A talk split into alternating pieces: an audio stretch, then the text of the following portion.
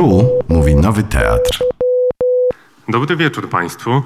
Nazywam się Maciej Jakubowiak, jestem redaktorem dwutygodnika i dzisiaj mam przyjemność e, poprowadzić spotkanie, rozmowę z autorką, pisarką, autorką e, licznych już powieści, która zadebiutowała w 2016.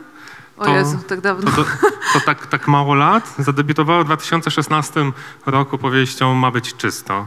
Laureatką nagrody imienia Witolda Gombrowicza, e, przyznawanej w Radomiu, dwukrotnie e, nominowaną do nagrody Nike, przyznawanej w Warszawie i jednokrotnie do nagrody Gdynia, przyznawanej w Gdyni. E, Ponadto z animatorką, edukatorką, co też nie jest bez znaczenia w kontekście na przykład dzisiejszego dnia. Hej! Super, że przyszliście. No a pretekstem do naszego dzisiejszego spotkania jest, jak już Państwo z pewnością wiedzą, powieść e, Ciało Huty, e, która dopiero co ma, miała premierę. E, no i no od razu chyba trzeba to powiedzieć, że ta huta, która ma ciało, to jest huta Katowice, a my jesteśmy w Warszawie. I no widzisz, ty jesteś z Zagłębia, a ja ze Śląska i coś nieco chyba e, wiemy na ten temat, natomiast Państwo tutaj zgromadzeni może niekoniecznie, więc pomyślałem, że moglibyśmy zacząć od e, krótkiego mm, wstępu i opowiedzenia o chwalebnym powstaniu, tragicznym upadku i całkiem zwyczajnej prywatyzacji Huty Katowice. A historia cała, no i to jest właśnie dla Państwa ze stolicy być może, e, być może ciekawe, to zresztą e, też mniej więcej tak zaczyna się e, historia opowiadana przez Ciebie w powieści. To więc ta cała historia zaczyna się w Warszawie. Od słów pierwszego sekretarza Komitetu Centralnego PZPR Edwarda Gierka w grudniu 1971 roku, kiedy wydawało się, że wszystko jeszcze jest możliwe. Tak, bo w Warszawie trwała w ogóle dyskusja, czy Huty Katowice przypadkiem nie umieścić na Pomorzu albo gdzieś w centralnej Polsce. No ale przez to, że Edward, Gierek y, ukochał sobie Zagłębie, bo stamtąd pochodzi, no to wymusił, żeby jednak y, powstała tam. No i tak naprawdę ten 71 rok wszystko pozmieniał w Dąbrowie Górniczej, w której e, faktycznie, tak jak powiedziałeś, z której pochodzę, gdzie się urodziłam. e, Jak wspomina wydawnictwo na okładce 2 km od Huty Katowice, której absolutnie nie e, przyjmowałam jako ważnego obiektu w moim życiu do niedawna, szczerze mówiąc. Aha, nie. Nie, bo była dla mnie jakby neutralna, to znaczy jakby korzystałam z jej dobrodziejstw i kaszlałam jej powietrzem, ale y, nigdy nie myślałam o niej w taki sposób, że, mm, że, że ma duży wpływ na moje życie, a się okazuje, że ma. Ale to dopiero odkryłam jakby, kiedy się zaczęłam nią zajmować. Natomiast y, wcześniej była dla mnie takim, wiedzą Państwo, to jest jakby ogromny teren, on jest taki jak właściwie małe miasto, i kiedy się przyjeżdża na teren Huty Katowice, to ma się wrażenie, że się wpadło do jakiegoś takiego dziwacznego, strasznego, technologicznego królestwa, które jest w ogóle całe zarośnięte roślinami. I one w jakiś sposób, tak jakby, miałam wrażenie, zatoczyła koło, bo w 72 roku, kiedy po decyzji słynnej w 71 w Warszawie postanowiono, postanowiono wbić pierwszą łopatę pod budowę Huty Katowice, to trzeba było wykarczować cały wielki las, wyrównać pagórek w ogóle, z którego zjeżdżał na sankach mój tata. I kiedy zaczęliśmy sobie o tym rozmawiać, to dopiero zobaczyłam, jak bardzo to zmieniło cały pejzaż miasta, a ja nie mogłam tego wiedzieć, no bo urodziłam się wiele lat później, jakby od momentu, kiedy ona zaczęła być tworzona. Więc, więc Huta powstała w Dąbrowie faktycznie, nazywa się Huta Katowice, bo to jest kolejna forma wyśmiewania się z nas zagłębiaków przez Ślązaków. Oczywiście żartuję. Lubimy się e, i nawet broniliśmy napisu Huta Katowice, e, który jest na daszku, żeby było zabawniej. E, A została tak nazwana z powodu tego, że po prostu było województwo katowickie, więc jakby tutaj mimo wszystko zostało to gdzieś tam zaakceptowane, zwłaszcza, że ta nazwa została nadana troszkę później, bo początkowo Huta miała nazywać się inaczej, po prostu Hutą Centralną. No i właściwie ten 72 rok był momentem, kiedy mm, liczba mieszkańców skoczyła z, tam z 40 tysięcy do w pewnym momencie już w latach 80. do y, 130 tysięcy, czyli teraz jest ich mniej e, niż było w czasach największego powiedzmy prosperity Huty Katowice i w związku z tym e, ona zmieniła życie wszystkich mieszkańców, którzy tam byli, bo jedni zostali pozbawieni domów pod budowę Huty, jak jedna z moich bohaterek Ewa, a inni przyjechali tam i rozpoczęli na nowo swoje życie, takie jak Ula, która przyjechała tam z Podkarpacia e, bo liczyła na to, że huta daje jej pracę, której nie miała e, u siebie na miejscu. Więc e, tak naprawdę to miejsce e, dla mnie stało się takim, jakkolwiek by to żałośnie nie zabrzmiało, takim jakby centrum świata na czas pisania tej powieści i robienia researchu. E, I miałam takie poczucie, że z którejkolwiek strony tej huty gdzieś tam nie odwrócę, to się wypełza jakaś historia, jak te takie e, kwiaty albo robale, które przetrwają wszystko, karaluchy. I, I jakby każdy miał jakąś swoją opowieść o hucie, więc mi się wydaje, że nawet jak jesteśmy w Warszawie i Państwo pewnie w 50% nie są z Warszawy, no to, że i tak może ktoś z Was zna jakąś historię w ogóle związaną z tym miejscem. Bo, bo ja właściwie gdziekolwiek bym nie jechała, to zawsze ktoś mi opowiadał jakąś historię o Hucie Katowice i, i w związku z tym też teraz gromadzę różne pamiątki, które dostaję na przykład od byłych hutników, e, albo dostaję jakieś takie dziwne historie, które zwykle zaczynają rozmowę przy wywiadzie. Na przykład pani mi ostatnio opowiedziała całą historię i dopiero po pół godziny się zorientowała, że zadzwoniła zrobić ze mną wywiad, a nie opowiadać mi o Hucie Katowice. Więc ona jakoś tak y, uruchamia y, wyobraźnię i nie wiem, czy z powodów nostalgicznych, czy z innych. I mi się wydaje, że w tej książce też próbowałam się nad tym zastanowić w dużym stopniu, nie? Bo, to, bo nawet jeśli to jest nostalgia, to ona nie jest taką prostą nostalgią y, za pewnym czasem, tylko jakby opowiada o pewnych przemianach, które z jednej strony były społeczne i szersze, no bo w sumie wiadomo, transformacja w każdym miejscu w Polsce przebiegała inaczej, ale miała jeden punkt wspólny, było to likwidacja zakładów i utrata pracy przez wiele osób, które z tego powodu zmagały się z różnymi trudnościami. Zmagają się do dzisiaj, tak jak Ewa.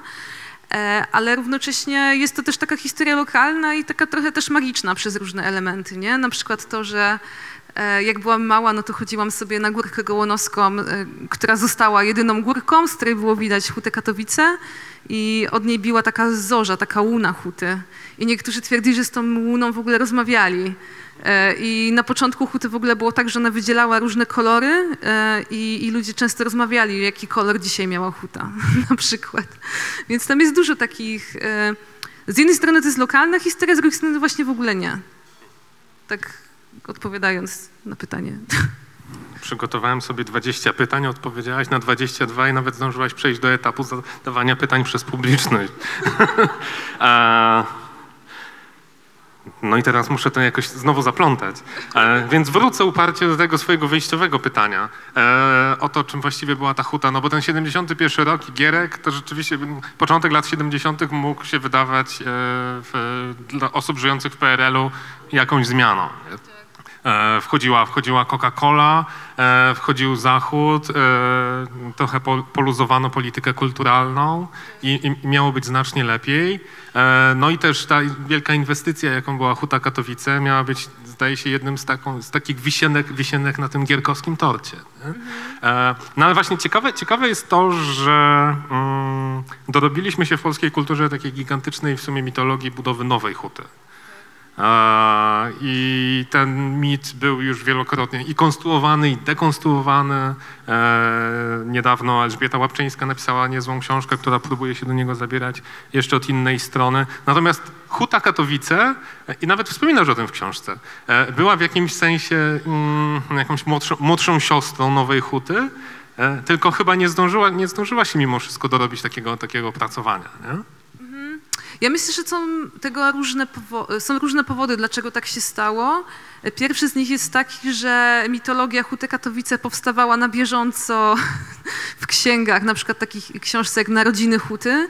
To jest taki wielki pomarańczowy album, który został napisany przez y, pana gdzieś tam związanego z propagandą, e, na którego grobie byłam zresztą. e, Bardzo fajny pan.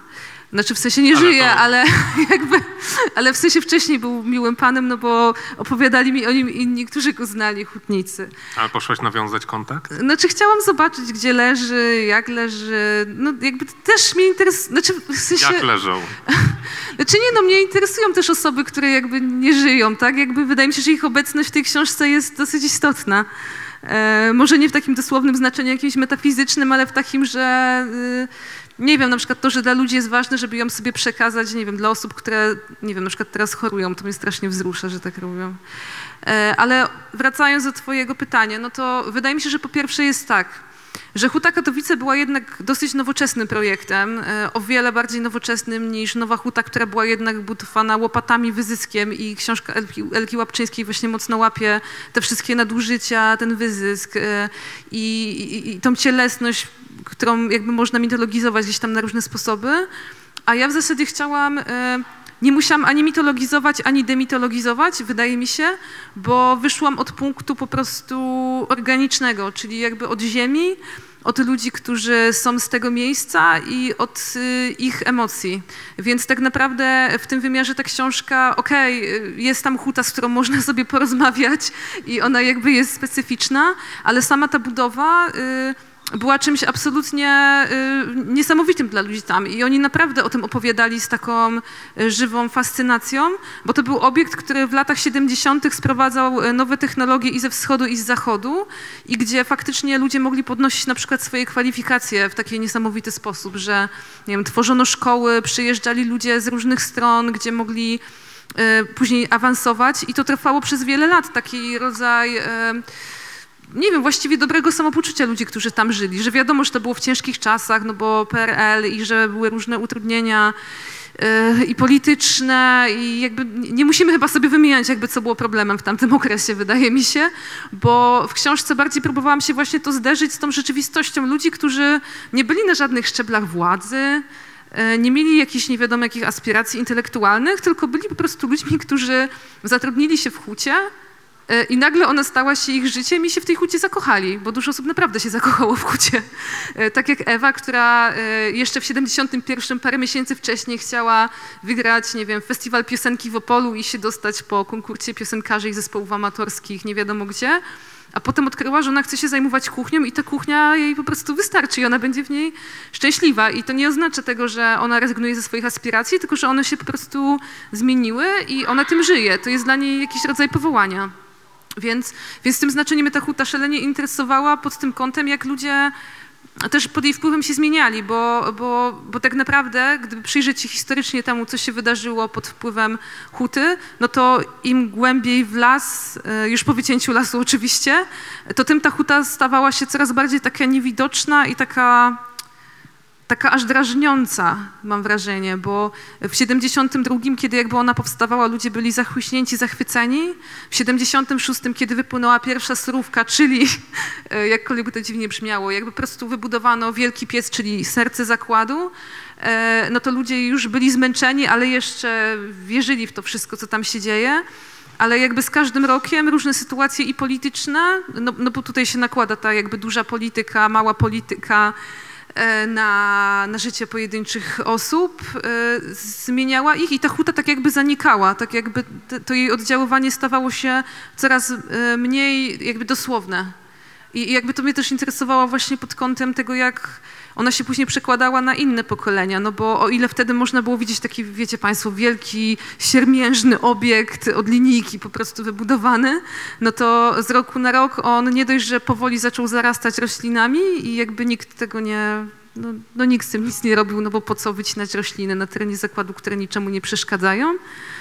E, a równocześnie ten sam zakład tracił ludzi, tak? Jakby on z tej liczby, y, najwyższej liczby zatrudnienia, czyli chyba 24 tysięcy ludzi w jednym momencie, y, plus do tego jeszcze poszczególne zakłady obok, które były, które zasilały huty, czyli można było powiedzieć, że z 60 tysięcy nawet być może zatrudnionych, y, no powoli spadł do takich liczb, które jakby już niewiele mm, znaczą, tak? I ten przemysł zaczął się po prostu diametralnie zmieniać, a życia ludzkie mm, też pod wpływem y, huty i nie tylko pod jej wpływem, bo przyglądając się właśnie tej transformacji technologicznej w Zagłębiu, miałam wrażenie, że bardzo wiele zależało często od y, nie tylko jakby wielkiej polityki i tego, co się wydarzyło po transformacji, ale też tego, mm, czy miało się po prostu szczęście.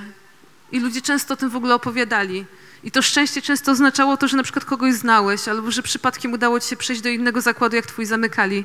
I, i, i to mnie strasznie jakoś tak uderzało, że jakby nazywaliśmy szczęściem coś, co po prostu było pracą, że jakby definiowało się to, że jesteś szczęśliwy, bo masz pracę i jakby nic więcej, nie? Znaczy masz jeszcze czas wolny powiedzmy, no bo akurat w tamtych czasach gdzieś tam to funkcjonowałam właśnie z Magdą Majewską, która tu chyba jest, to, to, to na pewno nie jest też historia o tym, jak ta huta się, tylko o tym, jak ta huta się zmieniała, ani nie jest to historia jakby porównawcza w stylu, że huta dawniej i huta dziś, tak?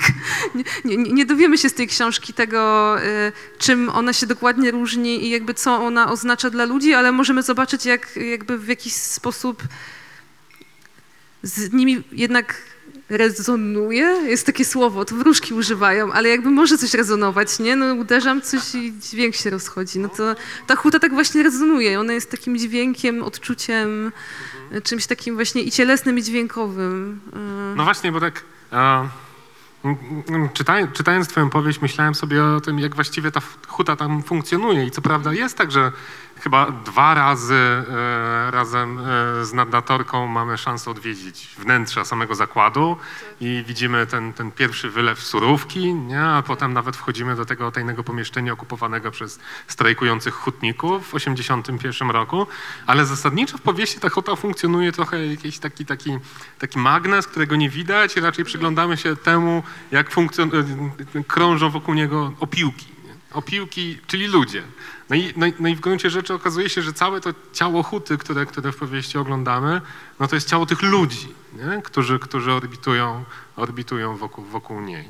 E, No i właśnie zacząłeś, zacząłeś trochę o tym mówić, bo e, no, taki najważniejszy ruch, który, który wywołuje ten, ten, ten magnes, nie? To, to źródło energii mm, elektro, elektrohutniczej, no to jest e, taki ruch no, do góry. Nie? To znaczy dla ludzi, którzy tam ściągają, czy no, z pobliskich osiedli w Dąbrowie Górniczej e, i okolicach, e, czy z dalszych rejonów Polski, no to jest przede wszystkim jakby taki kolejny, dru, drugi w historii PRL-u rzut, czy, czy, czy druga szansa na to, żeby jakby w szybki, szybki sprawny sposób uregulowany przez państwo poprawić swoje warunki życia po prostu, nie?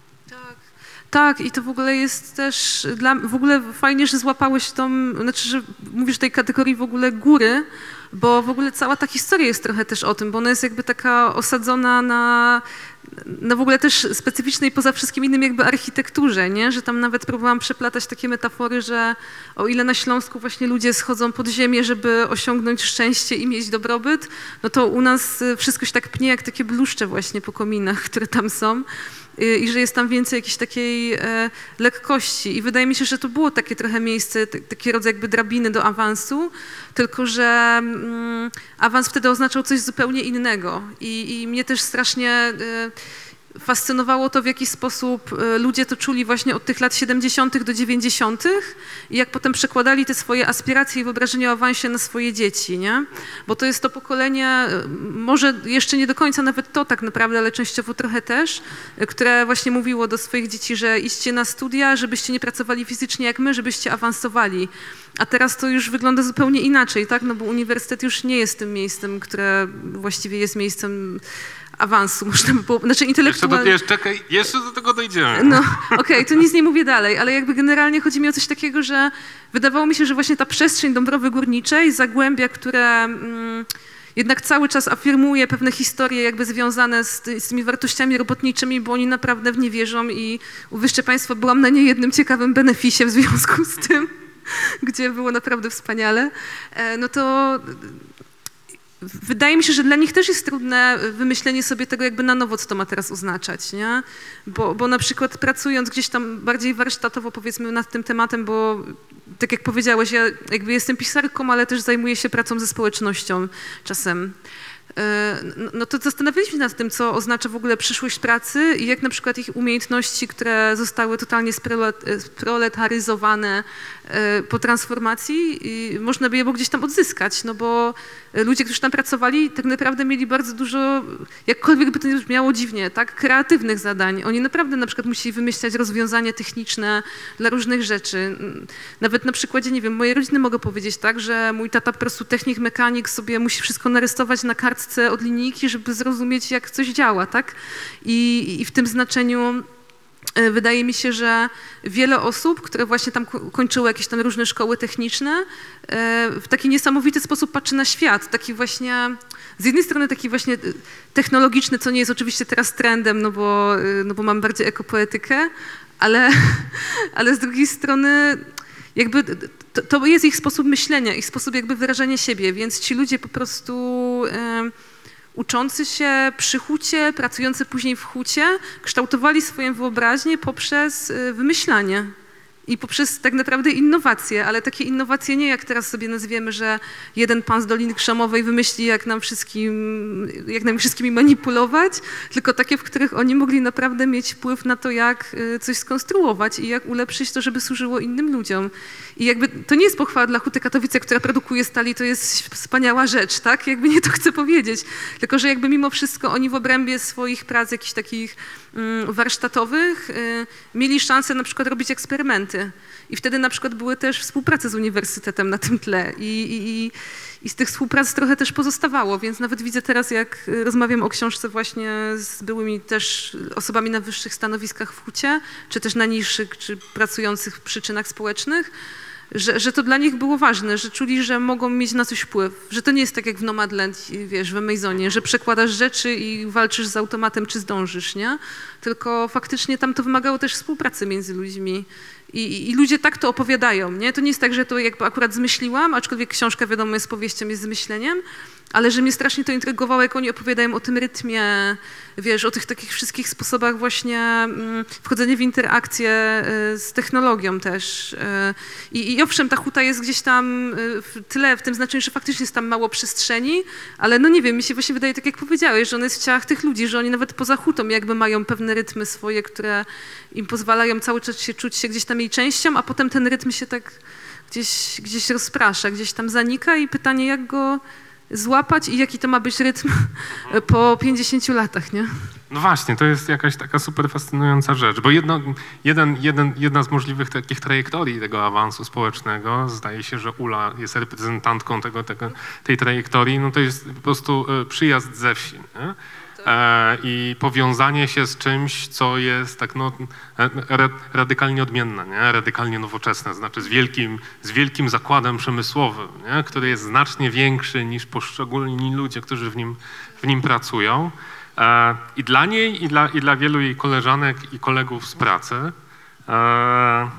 no, ten zakład staje się wszystkim, nie? staje się czymś takim, co organizuje życie, co organizuje rytm ich dnia, ich tygodnia, E, co, e, ale też organizuje rytm funkcjonowania ich ciał, nie? ale też organizuje im czas wolny, e, zapewnia ośrodki wypoczynkowe i właściwie i wszystko, wszystko. I kiedy wiesz, mówisz o tym, o tym mm, powiązaniu ludzi z przemysłem właśnie w latach 70., no to ja mam, ja mam w rodzinie identyczną historię, to znaczy moja mama pracowała na kopalni akurat, ale no, nie, nie, nie zjeżdżała, nie zjeżdżała w to.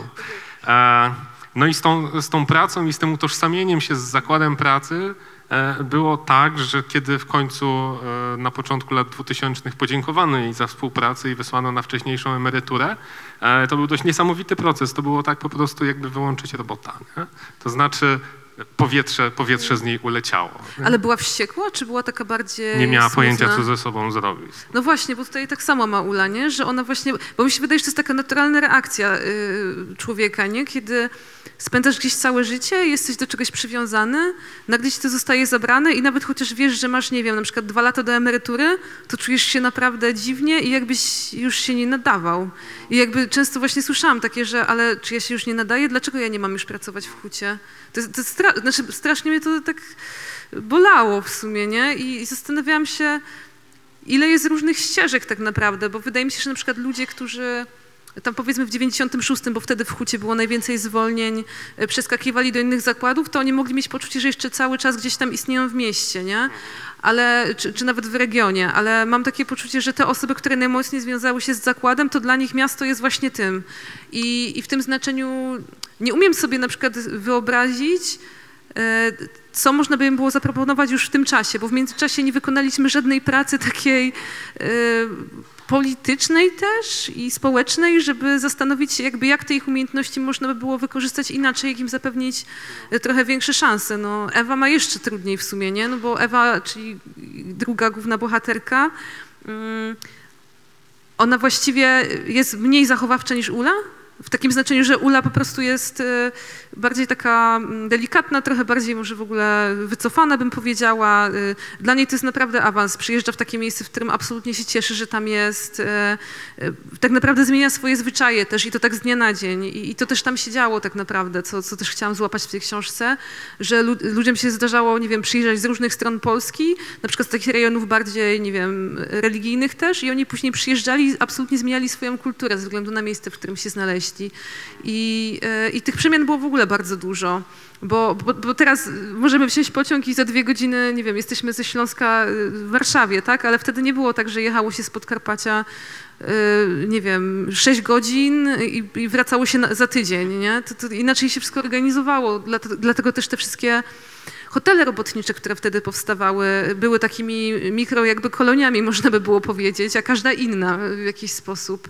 Dlatego, y, dlatego dla mnie jakby to przywiązanie jest czymś jakby wzruszającym, ale też jakby równocześnie zastanawiałam się cały czas, mm, czy ono też jest, y, gdzie ono jakby się osadza i co z nim zrobić później, jeżeli już to tracisz. E, I, mm, I wydaje mi się, że to może być niezrozumiałe dla innych pokoleń. W sensie, że jakby, że też bardzo łatwo to wyśmiać. I, I też bardzo łatwo na przykład, y, bardzo to tak spłycić i sprowadzić do takiej powierzchownej dyskusji, że y, my już jesteśmy pokoleniem, które nie chce pracować, bo nasi rodzice y, zapieprzali po prostu ile wlezie, a moim zdaniem w tej dyskusji w ogóle też nie o to chodzi, nie? tylko chodzi o to, żeby zrozumieć jakby co, czym jest w ogóle etos pracy, czy praca jest ważna, jeżeli tak, to dlaczego? Y, I jakby co ono oznacza w kontekście życia, to, to są, jakby zadawałam sobie inne pytania niż te w stylu y, konfliktów, które mogą się pojawiać na tym tle, tak? A, a mogą być różne, tak? No pokolenie rodziców może pytać, dlaczego nie masz stałej umowy o pracę, nie? Jakby takich pytań jest dużo, a teraz do Zetek z kolei są kolejne pytania, że dlaczego nie chcesz pracować więcej niż 8 godzin? Nie? Więc dla mnie te wszystkie pytania są takie bardzo anachroniczne i takie bardzo punktowe.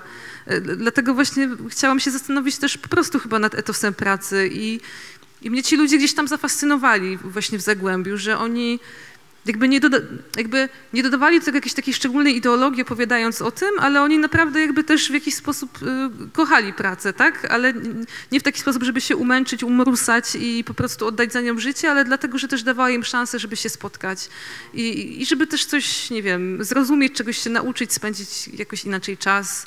Bo poza całą tą infrastrukturą przemysłową? Tam była też bardzo rozwinięta w ogóle infrastruktura kulturalna e, poza wszystkim innym, no bo, no przepraszam, no ale kto miał szansę się spotkać e, dzień po dniu na przykład z Niemenem, Różewiczem, Marylą Rodowicz, no hutnicy i hutniczki tak naprawdę, więc e, okazji do takiego... do, do korzystania z bardzo różnorodnej oferty kulturalnej, bo to nie była tylko taka oferta ludyczna, tak? Y, tylko taka naprawdę rozbudowana, jakby było dosyć wiele, nie? I po, pomimo gdzieś tam języka propagandy i tych różnych pieśni, które ja sobie czasami śpiewam, no to, no to jakby Tak? to...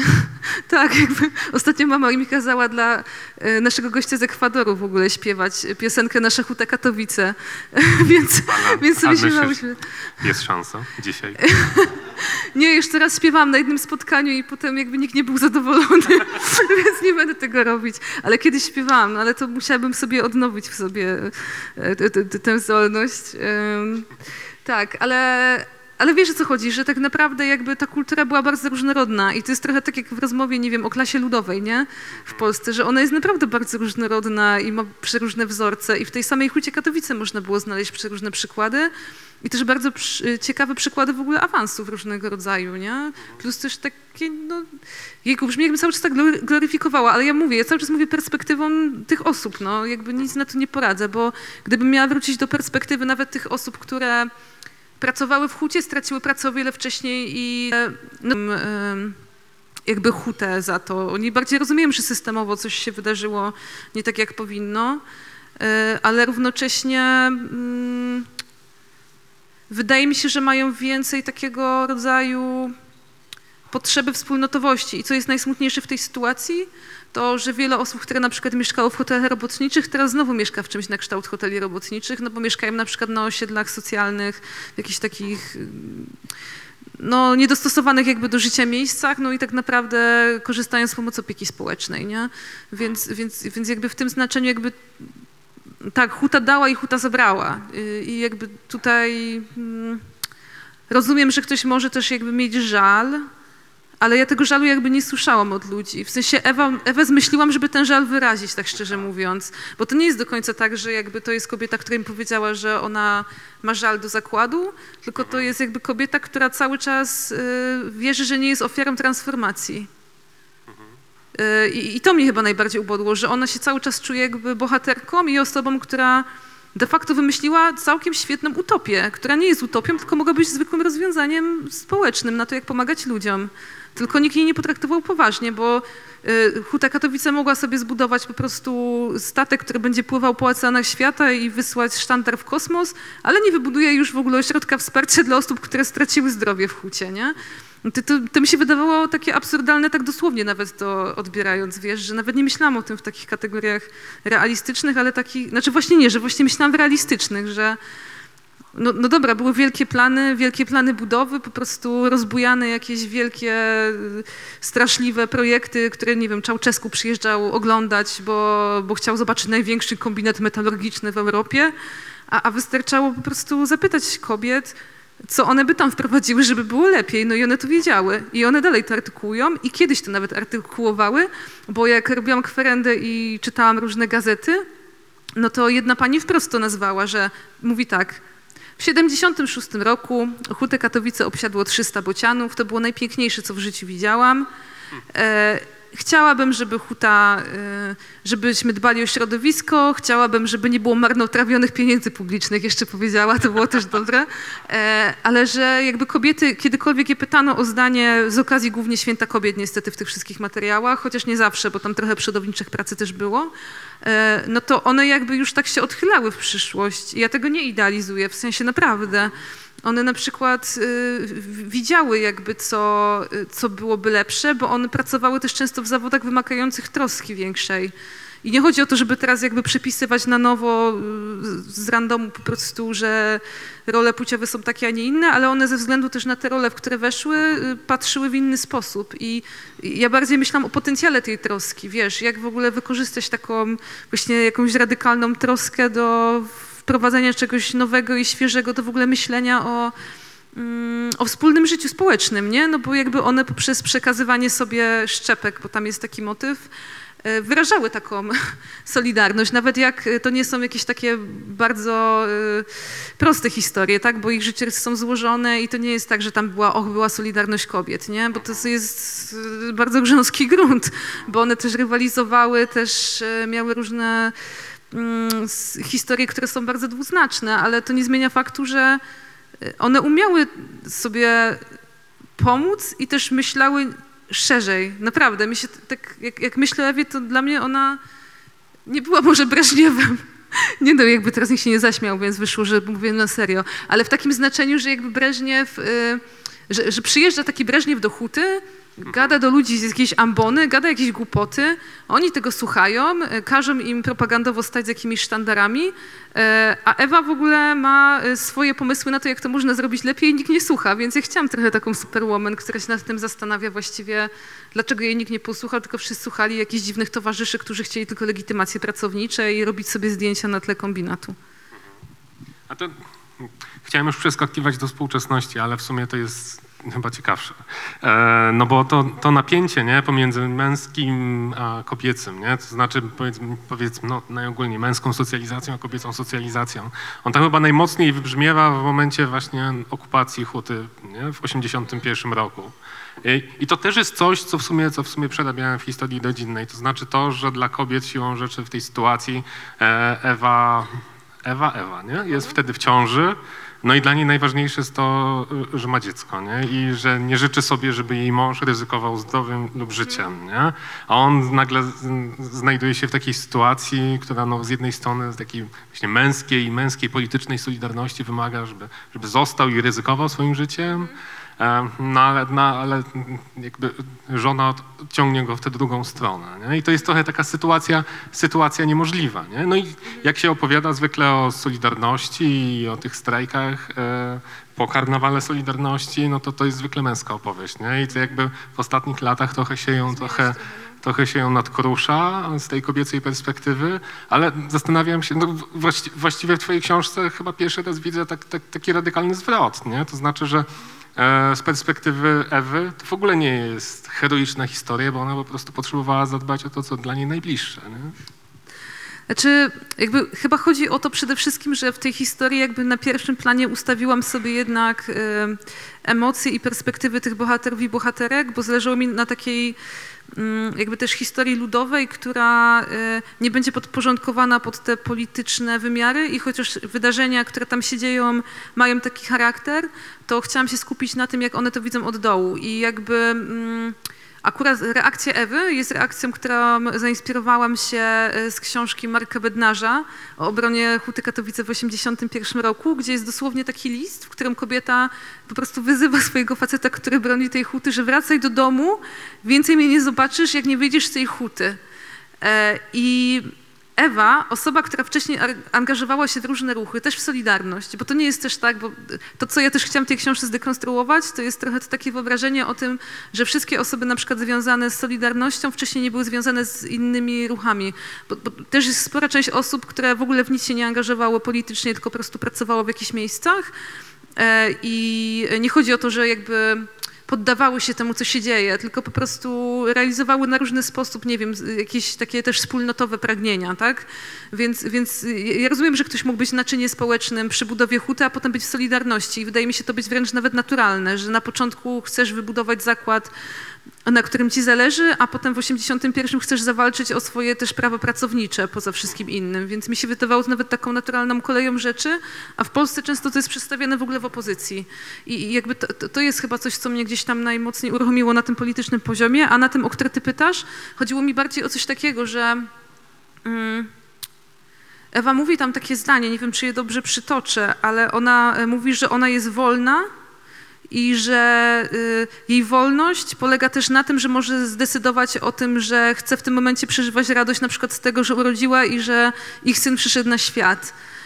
I, I ona jakby po prostu w inny sposób sobie to definiuje. Dla niej wolność, jakby owszem, ona rozumie jakby solidarność i jakby jest to zaangażowana, ale równocześnie też widzi, że pewne rzeczy, które już się dzieją, jakby już trochę wyprzedza czas. Że tam też już się ludzie trochę ustawiają. I to nie jest taka prosta... Ja nie krytykuję tutaj solidarności, ale w jakiś sposób pokazuje też różne rysy, które ludzie też mi opowiadali i które doprowadziły do wielu ich rozczarowań i, pozbawienia się pewnych złudzeń. I, Ewa jest taką bohaterką, która zawsze tak trochę te trzy kroki naprzód jest, więc mi się wydaje, że ona nie zrobiła tego dlatego, żeby, nie wiem, y, uznać, że ruch jest nieważny i że w ogóle nie obchodzą ją inni ludzie i zakład, ale że było tak, że dużo osób, które broniły zakładu, broniły też po prostu zakładu. No bo jakby wiadomo, no jakby chodziło też o Polskę i o wolność i o, e, o kraj, w którym będzie można robić em, różne rzeczy, które e, z perspektywy gdzieś tam intelektualnej były powiedzmy ważne, tak? Z robotniczej też, bo to były wspólne sprawy. Nie będę tego przytaczać, no bo je znamy. Ale równocześnie jest też coś takiego jak e, polityka jakby życia codziennego, w której warto być na przykład po porodzie dziecka przy nim, myślę. I jakby chyba o to Ewie chodziło, że priorytety można sobie na różne sposoby układać. I, e, I to, że Zygmunta nie będzie przy obronie Huty, e, chociaż spędził już tam wiele dni strajkując, jakby nic nie zmieni. E, Zwłaszcza, że Zygmunt też w pewnym momencie już zaczynał obserwować specyficzne rzeczy i sam stał się tak naprawdę największą ofiarą tej sytuacji. E, I to też było dla mnie ciekawe, jak w ogóle można sobie o tym myśleć, bo po tym proteście ludzie naprawdę byli przez pewien czas ze sobą mocno gdzieś tam skonfliktowani i też jakby różne działania propagandy sprawiały, że y, no ciężko było zachować tą wspólnotowość po prostu, nie? która była w tych, w tych pierwszych dniach strajku, który był naprawdę dosyć taki, y, myślę, mm, tożsamościowo twórczy też w ogóle w Dąbrowie, nie? Okej, no to skoro już zaczęliśmy mówić o tych e, dzieciach, e, no to, to czas przeskoczyć do współczesności, bo w gruncie rzeczy to jest powieść o tym, no, o latach współczesnych, nie? O latach, o latach dwudziestych i cała ta opowieść o hucie w gruncie rzeczy okazuje się snuta no, przez bohaterkę żyjącą bardzo tu i teraz. E, I, i to, to było dla mnie zastanawiające, bo tak, najgłówniejsza bohaterka, a też narratorka części powieści, czyli Maja, e, która kończy studia, jakoś próbuje się zorganizować na doktoracie, w pracy, w związkach itd., itd., e, trochę krąży po różnych, po różnych zakamarkach rzeczywistości. E, co jakiś czas wraca do takiej myśli, że w gruncie rzeczy chciałaby nawiązać jakąś więź ze, swoją, ze swoimi rodzicami, ze swoją matką. I nawet jest taki y, fragment w głębi liczyłam, że przyjdzie taki moment, gdy w czas przestrzeni utworzy się dziura albo korytarz, które nas połączą. Po co jej to? Mi się wydaje, że y, y, z różnych powodów, ale pierwszy chyba jest taki, że okazało się, że naprawdę spotykają się w tym samym momencie, w tym samym momencie jakby rozłamu, tylko on u niej nastąpił trochę szybciej. Bo Maja jakby doświadcza, e, bo tak, matka Mai zostaje zwolniona z pracy przez, się mówi żartem, automat, no bo z powodu automatyzacji redukują etaty i matka zostaje zwolniona z Huty Katowice mniej więcej w dniu, kiedy ona e, właściwie traci, znaczy inaczej, to dzieje się troszkę później, ale chwilę później jakby traci szansę na reali- realizację swoich własnych marzeń, a jeszcze zna marzenie swojej matki i pierwszy raz chyba dopiero po utracie tej pracy dostrzega, że to było dla niej ważne. I na początku mi się wydaje, że ona podchodzi z takim trochę dystansem i takim rodzajem, że no fajnie, że mojej mamie się wydawało, że spełnienie marzeń to praca w jakimś zakładzie w ogóle i to jest takie aż y, nie fair wobec tej matki. Mm, A potem z każdym krokiem jakby zastanawia się nad tym, co właściwie może je połączyć. I tak naprawdę to jest książka o szukaniu łączników. I jakby ona nie jest książką, która ma pokazywać kontrasty między strasznymi millennialsami, którzy w ogóle nie potrafią sobie użyć życia i są niedojrzali, narcystyczni, zindywidualizowani, tylko jest to książka o y, próbie zrozumienia się nawzajem i też, że to zrozumienie przychodzi z różnych stron, bo też miałam taką jakąś intuicję, że chciałabym napisać książkę, w której pokażę relacje z rodzicami, która nie będzie opowiadać tylko o wyrzucaniu im tego, jak cię źle wychowali, jak bardzo się pomylili i jakie straszne rzeczy ci robili. I, I bardziej chciałam pokazać to, jaka była ich młodość, żeby zobaczyć, z czym oni się mierzyli i że patrząc na to w taki sposób może trochę bardziej e, obiektywny, i taki bardziej jakby opisowy, niewartościujący, jest szansa na znalezienie tych łączników, które mają taką wartość pozapokoleniową. I że jakby my potrzebujemy tych łączników, żeby przyszłość wymyślić.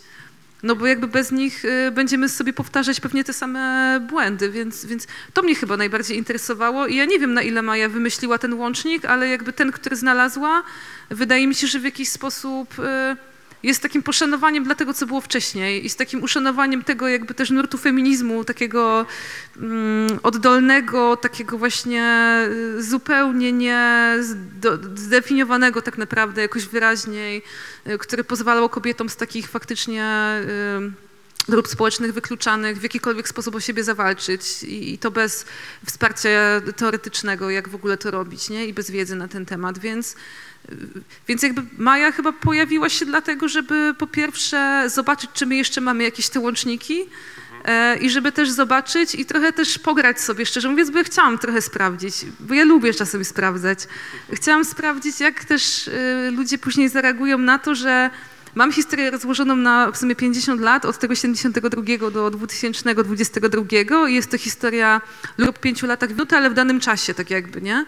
A perspektywa Mai to jest perspektywa w sumie kilku lat y, tego, tej wczesnej fazy dorastania tak naprawdę, no bo ona ma 22 lata, jak zaczyna się historia y, i śledzimy ją gdzieś tak mniej więcej do 30 i jakby to, to jakby i wtedy inaczej się przeżywa pewne rzeczy, tak? No inaczej przeżywasz z miesiąca na miesiąc, y, nie wiem, przemoc, czy, czy odrzucenie, a inaczej ją przeżywasz patrząc na nią po 10 latach, nie? Możesz nawet ją sobie w ramkę wstawić, że było super wtedy, nie? Oczywiście tutaj nie, nie chcę tego powiedzieć, że jakby przemoc jest czymś, co warto wstawiać w ramki, ale mam na myśli to, że jakby inaczej widzisz w ogóle swoje koleje życiowe i w inny sposób możesz już się do nich odnieść. I, I w tym znaczeniu mnie interesowało to, żeby pokazać tą perspektywę w tu i teraz, bo mi się wydaje, że przemiana też zawsze dzieje się w tu i teraz, a my jej nie widzimy, no bo widzimy ją po 50 latach. No to ja chciałam zobaczyć, czy, e, czy, czy, czy to jest możliwe jakby, wiesz, z takiej jakby minuty na minutę, w takim rodzaju e, przyspieszenia, w jakimś takim rodzaju nieporadności. I wydaje mi się, że to zderzenie, y, o ile może narracyjnie nie jest może jakieś super fortunne, to dla mnie ono było fajne jako eksperyment i jakby chciałam zobaczyć, jak to zadziała, bo, bo, bo częściej są te perspektywy rozkładane na gdzieś tam dłuższy czas albo na jeden rok, kiedy ktoś na przykład pracuje nad archiwum. A ja chciałam zobaczyć, jak to jest, kiedy ty wychodząc od punktu wspólnego, tak naprawdę potem tak meandrujesz. Bo ona, y, no nie wiem, nie sądzę, żeby dziewczyna, która chciała robić doktorat, y, marzyła o tym, żeby zacząć pracować w hucie, robić greenwashing. No ale jednak zaczęła to robić, bo tak się potoczyło jej życie, więc y, ja też sprawdzałam jakby jak często nieprzewidywalne miejsca może nas jakby wrzucić los i co my z tym w ogóle zrobimy i jak nam to może dać do myślenia później. No bo ona w zasadzie wyciąga zupełnie inne wnioski z tej pracy niż te, które można było założyć, że wyciągnie. Przynajmniej ja tak ją widzę, więc, y, więc jej perspektywa była dla mnie taką próbą, y, no nie wiem, chyba takiego bardziej empatycznego też spojrzenia po prostu na, y, na tych rodziców, a przy tym pokazania, że solidarności mogą być różne, że jest wiele jakichś takich, nie wiem, no, sytuacji, w których nie musimy być jakby perfekcyjni i ta Maja była takim fajnym nośnikiem też tego, bo ona też trochę uosabia właśnie tą indywidualizację i próbują przekuć w coś, co nie jest tylko indywidualnym dobrem, nie? No bo jej start jest taki trochę w stylu, że poza tym, że, że, że, temat, którym się zajmuje, gdzieś tam ją porywa i chce robić jakieś tam ważne rzeczy, to jest tak mocniej skupiona gdzieś tam na sobie, nie? Co jest w porządku oczywiście. Ale że potem z czasem zaczyna szukać tego rytmu w innych rzeczach, nie? Właśnie tutaj um, super też przy redakcji inspiracyjnie mi pomogła Małgosia Tarnowska, żeby też złapać ten motyw um, łączenia poprzez rośliny, bo mhm. On tam od początku gdzieś y, pojawiał się w książce, a tak go na koniec jeszcze właśnie doszpilałyśmy i, to było bardzo fascynujące właśnie w pracy na tym ostatnim etapie, E, żeby jakby zobaczyć, że nie wiem, że jakby e, te współczesne dwudziestoparolatki mogą się gdzieś tam spotkać w podobnych okolicznościach, tylko już w innym anturażu jakby, nie? I obyczajowo się dużo pozmieniało i oczywiście gdzieś tam szczęśliwie jesteśmy dalej w kwestiach myślenia o przemocy, ale na poziomie instytucjonalnym powiedzmy sobie szczerze, niewiele się zmieniło. Znaczy to, że mamy w debacie publicznej temat, nie wiem, przemocy seksualnej, czy mobbingu, yy, czy mansplainingu i tak dalej, jakby nie zmienia tego, że w takich miejscach szczególnie, które nie są, mm, nazwijmy to ważnymi instytucjami kultury, chociaż w nich też wiemy, jak długo zajmuje to, żeby w ogóle uruchomić yy, reakcję, yy, no to, to, to, się dzieje bardzo podobnie i dopóki nie mamy procedur, no to to się dziać będzie.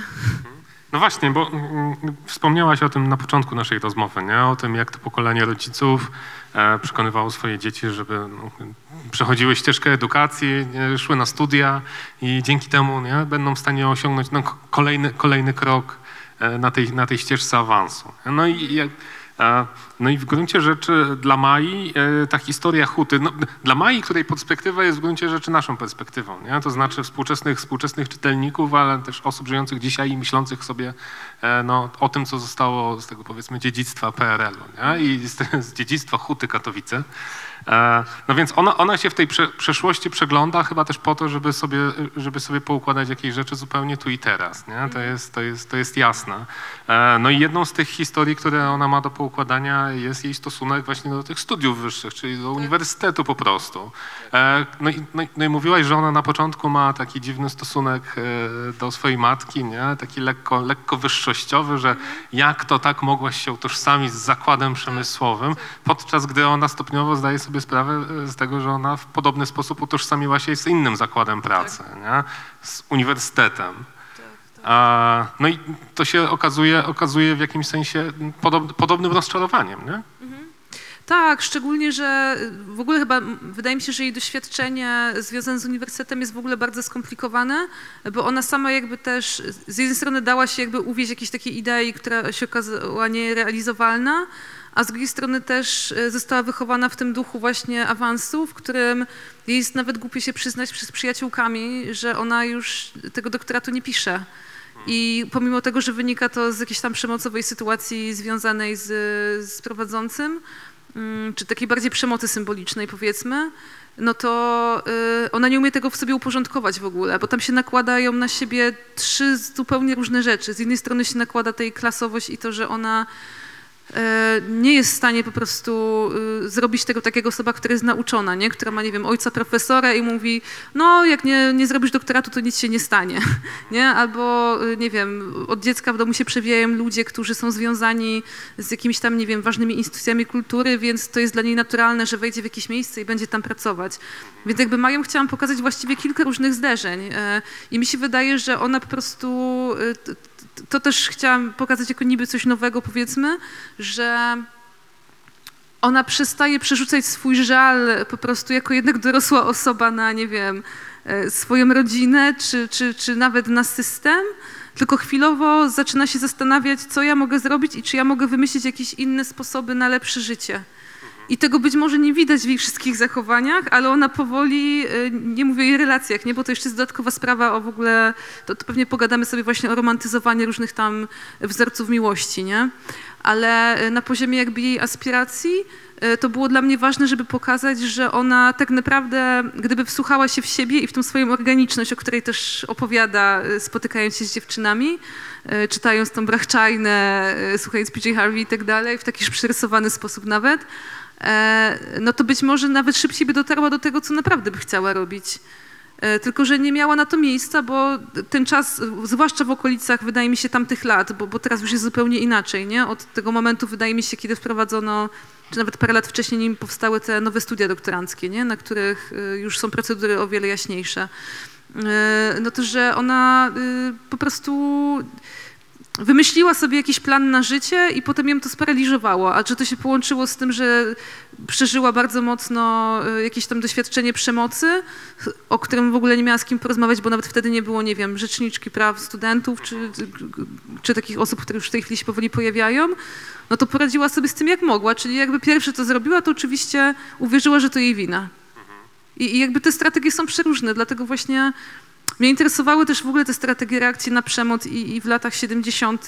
I, i później i, i teraz, bo wydaje mi się, że jakby strategii reakcji na przemoc jest strasznie dużo i one powinny stać się też przedmiotem jakby takiej dyskusji na temat tego, jak to systemowo rozwiązywać, nie? Bo te reakcje są bardzo nie, nieprzewidywalne i wydaje mi się, że Maja... Mm, no nie wiem, jakoś tak bardzo głęboko w to weszła i być może nawet ta historia matki, którą zaczęła odkrywać, tak ją w tym utwierdzało, że jejku, jak ona tyle przeżyła, a ja tylko tyle, nie? Jakby to też jest bardzo trudne, nie?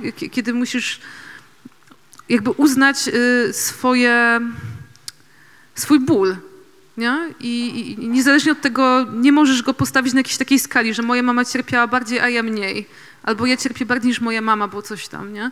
Więc, więc jakby też się zastanawiałam nad tym, jak, jak o tych skalach właśnie takich doświadczeń w ogóle rozmawiać, jak ich nie porównywać. Właśnie to, to, to jest dla mnie takie wyzwanie w ogóle siostrzeńskie, jak nie porównywać skali bólu, nie? No ale nawet jeśli nie porównywać, to e, można zestawiać, nie? I to robi twoja książka, a z tego zestawienia wynika no w gruncie rzeczy strasznie pesymistyczny wniosek, nie? Że jakąś, pom- pomimo, pomimo upływu czasu, jakąś st- st- stałą polityczną, stałą społeczną jest no, e, mizoginia, nie? No tak, ale to są też jakby doświadczenia mojej, moich znajomych i ludzi, których znam. No i niestety jakby na poziomie gdzieś tam debaty to się zmienia e, i okej, ale to jest gdzieś tam pewna powierzchnia, która wymaga naprawdę strukturalnych zmian. I wiesz, ja mam naprawdę różne doświadczenia i pracy z młodzieżą, i dziećmi, które zmagały się z jakimiś tam kryzysami, gdzie nikt nie widział, wiesz, ogromnych nadużyć wobec tych dzieciaków, nie? E, zwłaszcza dziewczyn, nie? No bo tutaj mam na myśli przede wszystkim to, jak one są traktowane przez system e, opieki. E, Druga rzecz to jest to, że, mm, że Polska jest krajem, który opiera się na kapitale społecznym, nie? Nie wiem, czy, czy Nie się wiem. zgadzasz. Nie wiem, czy to jest wciąż aktualne. No właśnie, zobaczymy. Ale jakby do jakiegoś stopnia było, tak? I to jest coś takiego, że w miejscach takich małych zwłaszcza, no to jeżeli ktoś nawet dopuszcza się do jakichś niecnych czynów, no to często zmienia miejsce pracy, bo jest przenoszony z jednego miejsca do drugiego.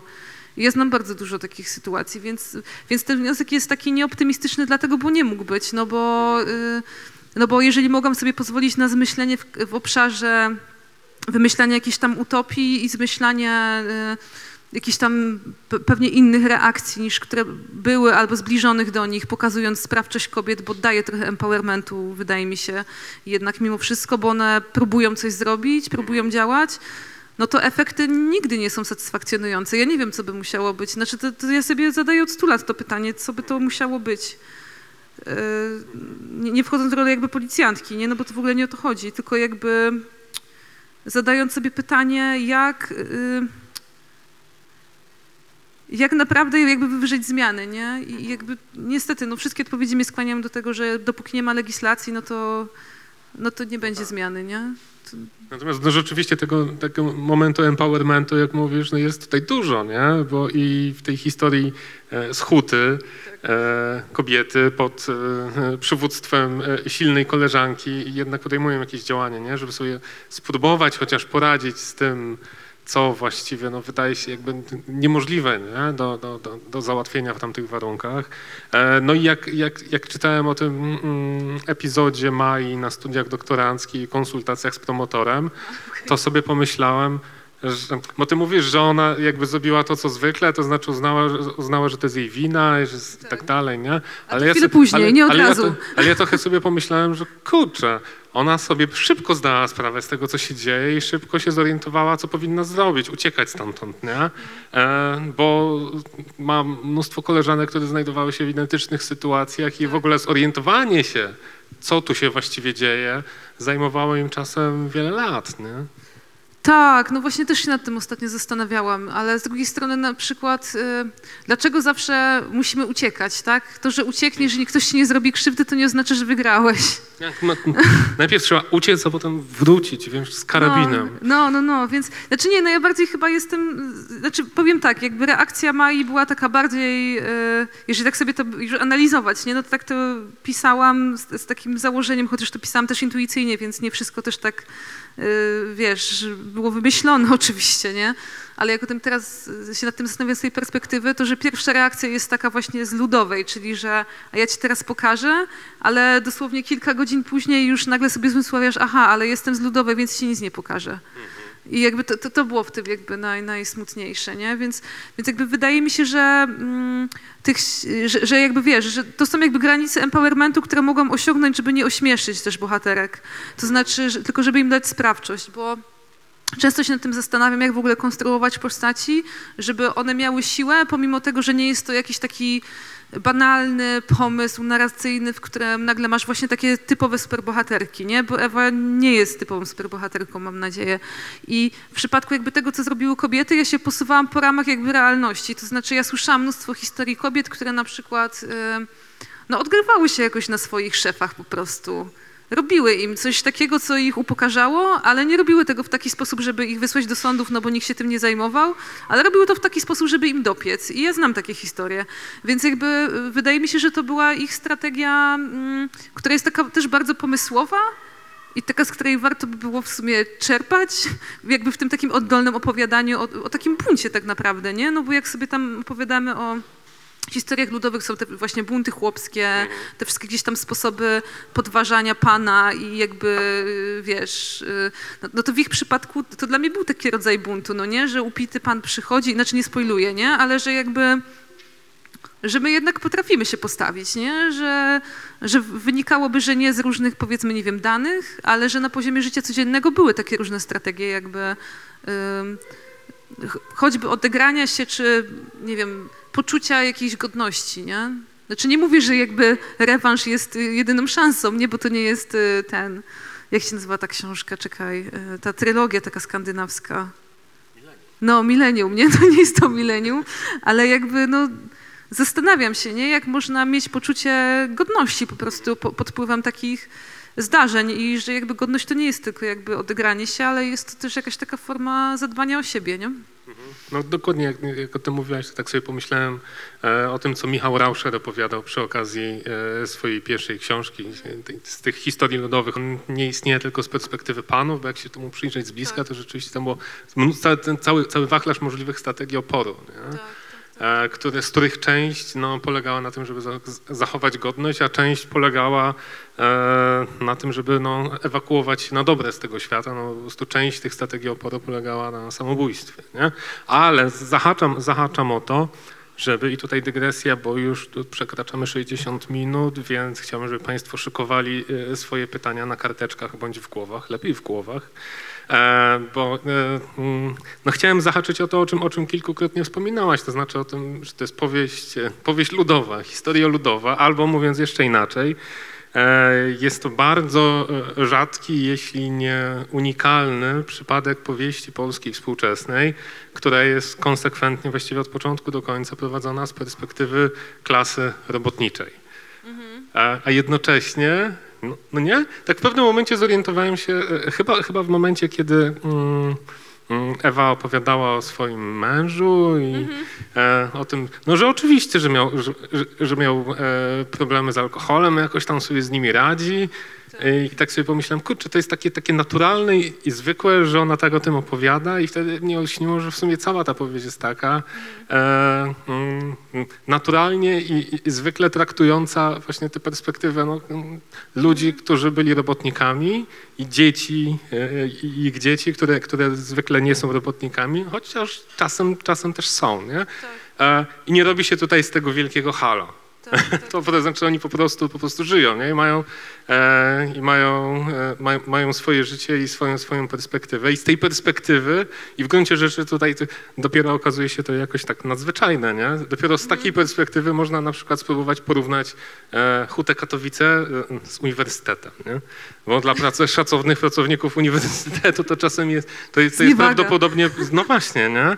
A, a, a wydaje mi się... E, że dopiero z takiej perspektywy można zobaczyć pewne, pewne podobieństwa. Nie? No tak, ale na przykład podam ci, podam ci dosyć zabawną rzecz, która była związana właśnie też z oceną tego tekstu przez jedną z osób, której dałam do czytania, że dla niej było dziwne, że e, młoda, mądra kobieta nie wie, jak otworzyć przewód doktorski, tak? I nie wie w ogóle, co zrobić ze sobą po tym, jak e, jej promotor próbował ją molestować i ona musiała przez to zrezygnować. I jakby to, to, to mnie uderzyło też na poziomie jakby reakcji, że być może też odczytanie tej książki będzie różnorodne w tym znaczeniu, że, że, że jakby nie mając być może tej perspektywy ludowej, ktoś, może tego, ktoś to może przeoczyć i uznać kogoś za jakby nie jakiegoś niekompletnego czy gorszego. I jakby to mnie też, dlatego tym razem z bardzo dużą ciekawością śledzę, co się pisze o książce, żeby właśnie sprawdzić, na ile my w ogóle y, umiemy rozmawiać w ogóle o klasie ludowej, nie? Ale o jej różnorodności, a nie o tym, że powstanie książka pastisz, ym, jakby opowiadająca o klasie ludowej, która ma jakiś tam wymyślony język, y, jakieś takie wymyślone zwyczaje, jest tam dużo jakiejś takiej patologii w tym takim rozumieniu bardzo dosłownym, a tutaj to są ludzie, którzy sobie no po prostu zwyczajnie żyją i mają wobec siebie dużo cierpliwości, bo mi się wydaje, że w ogóle cierpliwość jest jakąś taką cechą, która e, łączy tą, tą grupę społeczną. Mm, I, I biorąc to pod uwagę, to, to szczerze mówiąc nie zastanawiałam się nad tym, czy, czy ta książka taka jest, tylko po prostu ją stworzyłam mając na uwadze jakby pewnych e, bohaterów i bohaterki, którzy mnie zwyczajnie interesowali. W sensie, że to, to nie było tak, że wymyśliłam sobie koncept, że to tak będzie, tylko podążałam za nimi, no i się okazało, że właśnie są tacy. Więc No. sorry za takie nie, uzasadnienie, ale Nie, ale tak to jest wyszło. wspaniałe właśnie, bo właśnie sobie przypomniałem, jak e, pierwszy raz przeczytałem Ma być czysto, twoją debiutancką książkę i sobie pomyślałem dokładnie to. Wow, to jest, to jest dziewczyna, która nie robi z młodzieży jakiegoś wielkiego, egzotycznego odkrycia, tylko po prostu coś o niej wie i po prostu o niej opowiada. E, I, i że tutaj jest tak, tak samo i rzeczywiście te reakcje krytyki mogą być szalenie interesujące, nie? Żeby, żeby zobaczyć, jak, jak te odkształcenia będą, jak będą funkcjonować nie? i co tam kto zobaczy. Tak, znaczy No. już z ciekawością obserwuję, zwłaszcza, że różne punkty zatrzymują i mi się wydaje, że zatrzymywanie się na danych punktach też coś mówi, nie? Więc ja będę sobie to wszystko notować w notatniczku, dzienniczku i zobaczę za jakiś czas, to- jak to się skończy. Zobaczymy. A teraz państwo.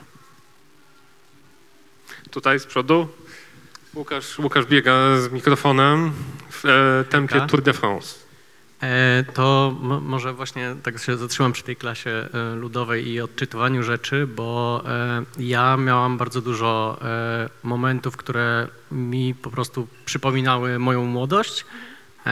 Znaczy, no dobra, nie jestem stara, nie? Ale jakiegoś tam nas, nas, nastoletnie czasy w latach 90. w Lublinie, gdzieś tam w okolicach dworca PKP, gdzie już wszystko zamarło i tylko zostały jakieś stare wagony i tak dalej, i tak dalej.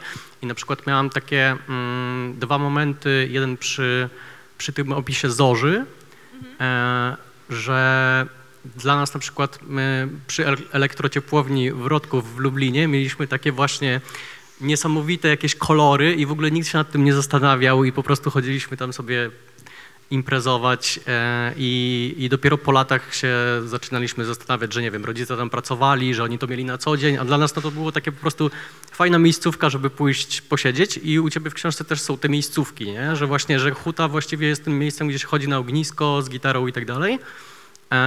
A druga rzecz,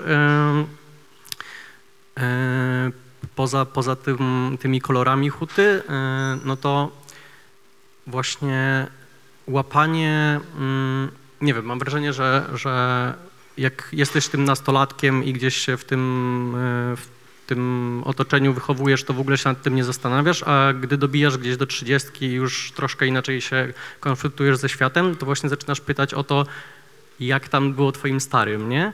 I, e, i zastanawiam się, skąd teraz to u ciebie wyszło. Ale właśnie bliżej 30, nie jak się ma 22, nie? Czy wszyscy musicie mówić o moim wieku? nie Sorry, ale ja właśnie, ja o swoim. ja właśnie, ja właśnie mam w ostatnich dwóch, trzech latach ten, ten czas, więc... Okej. Znaczy, wiesz co, myślę, że trochę tak, a trochę też z takich bardzo osobistych sytuacji, bo po pierwsze ja mieszkałam przez chyba 8 lat w Cieszynie e, do czasu rozwodu i po nim wróciłam na Śląsk, gdzie mieszkałam przez chyba 3 lata i jakby bardzo zbliżyłam się z moją rodziną. I ja wcześniej z nimi też byłam blisko, bo my się w ogóle bardzo lubimy. Oni są takimi bardzo e, fajnymi ludźmi, do których moi znajomi przychodzą, oni ich znają, dużo ludzi ich odwiedza i tak dalej. Ale y, zaczęłam przeglądać też o wiele więcej jakichś takich różnych albumów, starych materiałów i nagle ta huta do mnie przyszła tak jakoś y, nagle, nie? I że, że, to nawet nie była jakaś taka próba podsumowania, szczerze mówiąc, bo ja na przykład nie miałam takich sytuacji, nie wiadomo jakich do przerobienia z moimi rodzicami, nie? No bo byliśmy w kontakcie, ale jakby poczułam, że to, co oni mi opowiadają jest po prostu bardzo interesujące. I mi się wydaje, że być może tutaj masz rację, nie? że może w pewnym wieku jest łatwiej zrozumieć, że to, co nie opowiadają, jest interesujące. Tak jak czasami, wiesz, opowiada ci dziadek historię o II wojnie i ty potem żałujesz y, po latach, że nie wysłuchałeś bardzo uważnie, nie? Ja akurat dziadka szczęśliwie słuchałam i babci, ale no, no, z rodzicami jest inaczej, no bo wiesz, mieszkasz z nimi, nie przyglądasz się im jak osobom z jakiejś innej epoki, no bo przy nich wzrastasz, nie? Więc ja też szukałam chyba y, w taki sposób, nie? Gdzieś tam odpowiedzi. Ale to też tak się w ogóle życiowo poskładało, bo poznałam też po prostu człowieka, który pracował przy czynie społecznym, y, Maćka Gadaczka, wspaniałego pana, który w 72 werbował w ogóle do budowania huty i my się po prostu bardzo zakumplowaliśmy. I, I jakoś tak poczułam, że jest w nim tyle takiej energii młodości, że bardzo chcę z nim pospędzać trochę czasu i, i posłuchać, jak to wyglądało. Więc, więc jakby tutaj może to, co ty mówisz też o młodości, jest gdzieś tam tym moim wywoływaczem, nie? Może ja mam jakiś problem ze starzeniem się, bo, bo, bo jakby sięgam do tej młodości, kiedy ona przychodzi, ale w różnych postaciach, nie? Bo dla mnie młodość to nie jest kategoria wieku, tylko młodość jako takie szukanie czegoś nowego, świeżego i, i ten Maciej miał w sobie, ma dalej taką nie, nie, nie, niezwykłą zdolność w ogóle do opowiadania o tym i do w ogóle gromadzenia ludzi. To osoba, do której przychodzi, ja mówię, masz tu numer do tej, tej, tej osoby, nie? A teraz zrobimy ci w Pałacu Kultury spotkanie z byłymi pracownikami, pracowniczkami. I taki performance w ogóle z tej książki zrobił, więc ja weszłam w ten performance po prostu. I, i jestem bardzo ciekawa, co jeszcze się wydarzy. Też tylko chciałem dokończyć, bo e, jakby chodzi mi też o fizyczność tych miejsc, bo e, no, jakby te wszystkie industrialne, postindustrialne e, miejsca, e, które były gdzieś właśnie miejscami ucieczki gdzieś tam na, nastolatków mojego pokolenia, gdzie nasi starzy powiedzmy pracowali, e, jeszcze stały, a dzisiaj na przykład jak ja wracam do Lublina, to to wszystko jest już nowa deweloperka i w, w Hucie jest już pewnie trochę, w Hucie jest pewnie trochę inaczej, no bo jednak jest to miejsce, które trudno tak zaorać, ale też masz takie wrażenie, że trochę trzeba to opisać, no bo zaraz to się skończy? No trochę tak, to znaczy jest dużo miejsc, bo często sobie robimy spacery właśnie od rodziców gdzieś tam dalej i po, t- takim szlakiem na przykład, żeby zobaczyć, czy jakieś, nie wiem, bary, gdzie siedzieliśmy istnieją i okazuje się, że faktycznie dużo zostało polikwidowanych, bo też się zmieniły gdzieś tam sposoby spędzania wolnego czasu. Natomiast y, ta górka, y, która się pojawia w książce akurat cały czas istnieje y, i można sobie na nią pójść z cmentarza i tam jeszcze ludzie chodzą, więc jakby jest tak, że młodzież jeszcze tam cały czas gdzieś tam spędza czas, ale już jakby tam w książce było, że to był ten moment, kiedy połowa ludzi gra na gitarach, a połowa słucha Tak, z telefonów już- już muzyki, telefony nie? To teraz już no. tylko telefonów słuchamy, nie?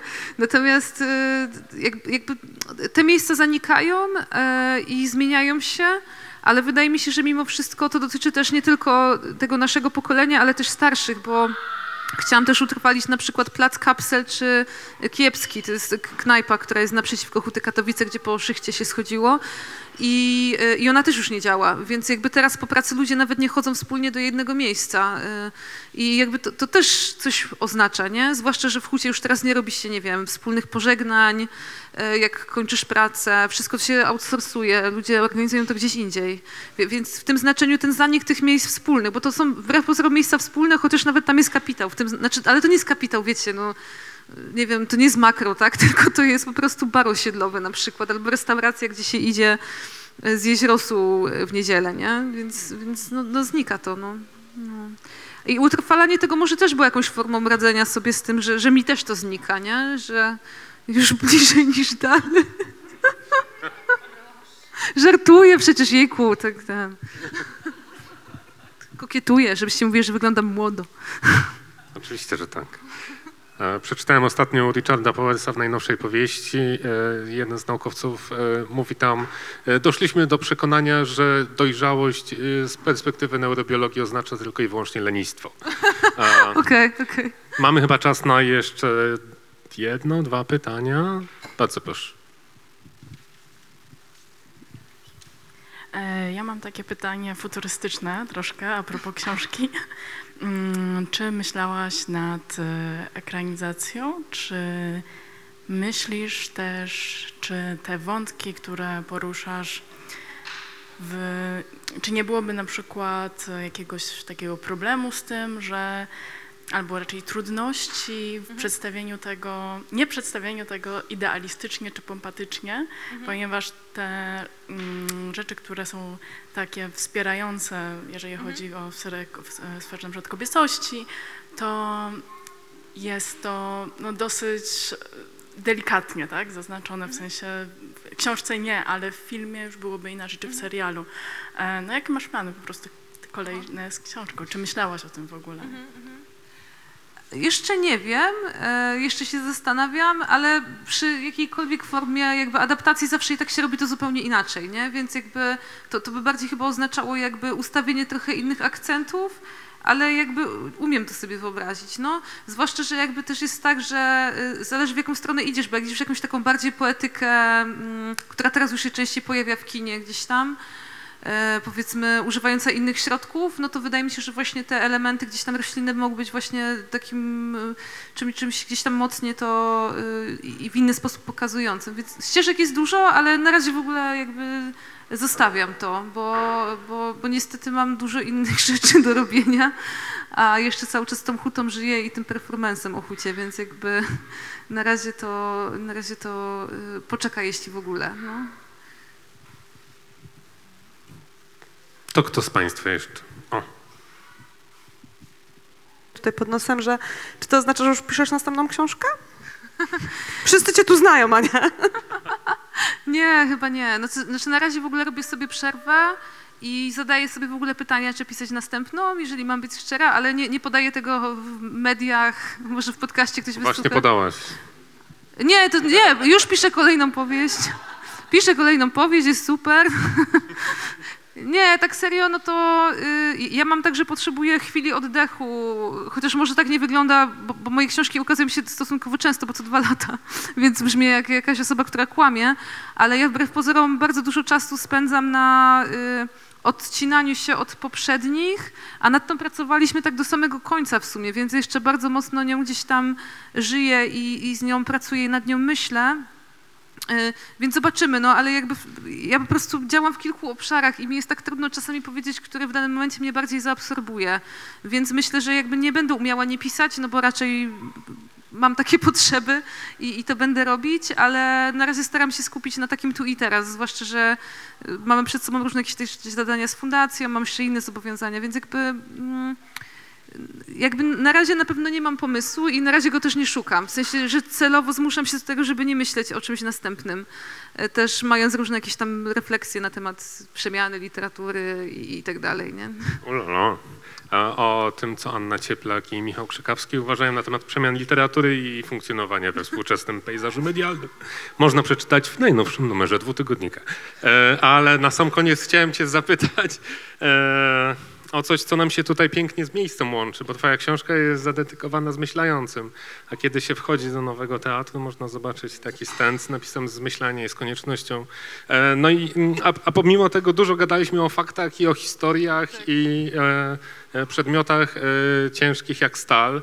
E, a do czego, do, czego, do, do czego jest potrzebne to zmyślanie? Myślę do tego, żeby zrozumieć swoją historię, no bo wszyscy często zmyślamy opowiadając o swojej przeszłości, niezależnie od tego, czy są to wielkie patriarchalne zdobycze, czy są to jakieś drobne miłostki, czy jakieś dziwne doświadczenia i mi się wydaje, że zmyślanie jest formą takiego radzenia sobie z, z ogarnięciem w ogóle świata i ze sposobem jakby zrozumienia jakby kim w nim jesteśmy, jakkolwiek to górnolotnie nie zabrzmiało. Więc dla mnie zmyślanie i jakby sama postać Ewy był, była taką formą gdzieś tam wyrażenia y, tej jakby tragiczności życia, nie? że wszystko to, na co patrzymy subiektywnie, y, nie do końca wydarzy się dla innych osób. I tutaj wracamy trochę do tego pytania o klasę ludową być może też, że dla kogoś z innymi doświadczeniami to jest po prostu jedno wielkie zmyślenie, że coś takiego nie mogło się w ogóle wydarzyć, że przecież ci ludzie mają inne problemy. A Ewa takie miała. I też sobie niektóre z nich zmyśliła. Okej. Zmyślona, ale całkiem rzeczywista Anna Cieplak. Dziękuję. Ci bardzo. A ja jeszcze, jeżeli mogę, to chciałam e, podziękować jeszcze pani Elżbiecie Lęb, która tu przyszła i dzięki której w ogóle mogłam też tą książkę napisać, bo e, na stypendium e, Albrechta Lępa w Berlinie powstał rozdział o topieniu się w jeziorze. więc, więc, ale tak szczerze mówiąc, naprawdę bardzo mi pomogło też przyjrzenie się z dystansu z tego innego miejsca. Bo, bo miałam wrażenie, że też mieszkając jakby blisko, y, patrzę trochę inaczej na pewne sprawy, mi to rozjaśniło. Także też jeszcze raz bardzo Pani dziękuję. Dziękuję Ci bardzo. Dziękuję Państwu. I jeszcze Małgorzacie, jeszcze Małgorzacie Tarnowskiej, jeszcze Małgorzacie, wspaniałej redaktorce. Jeszcze jej.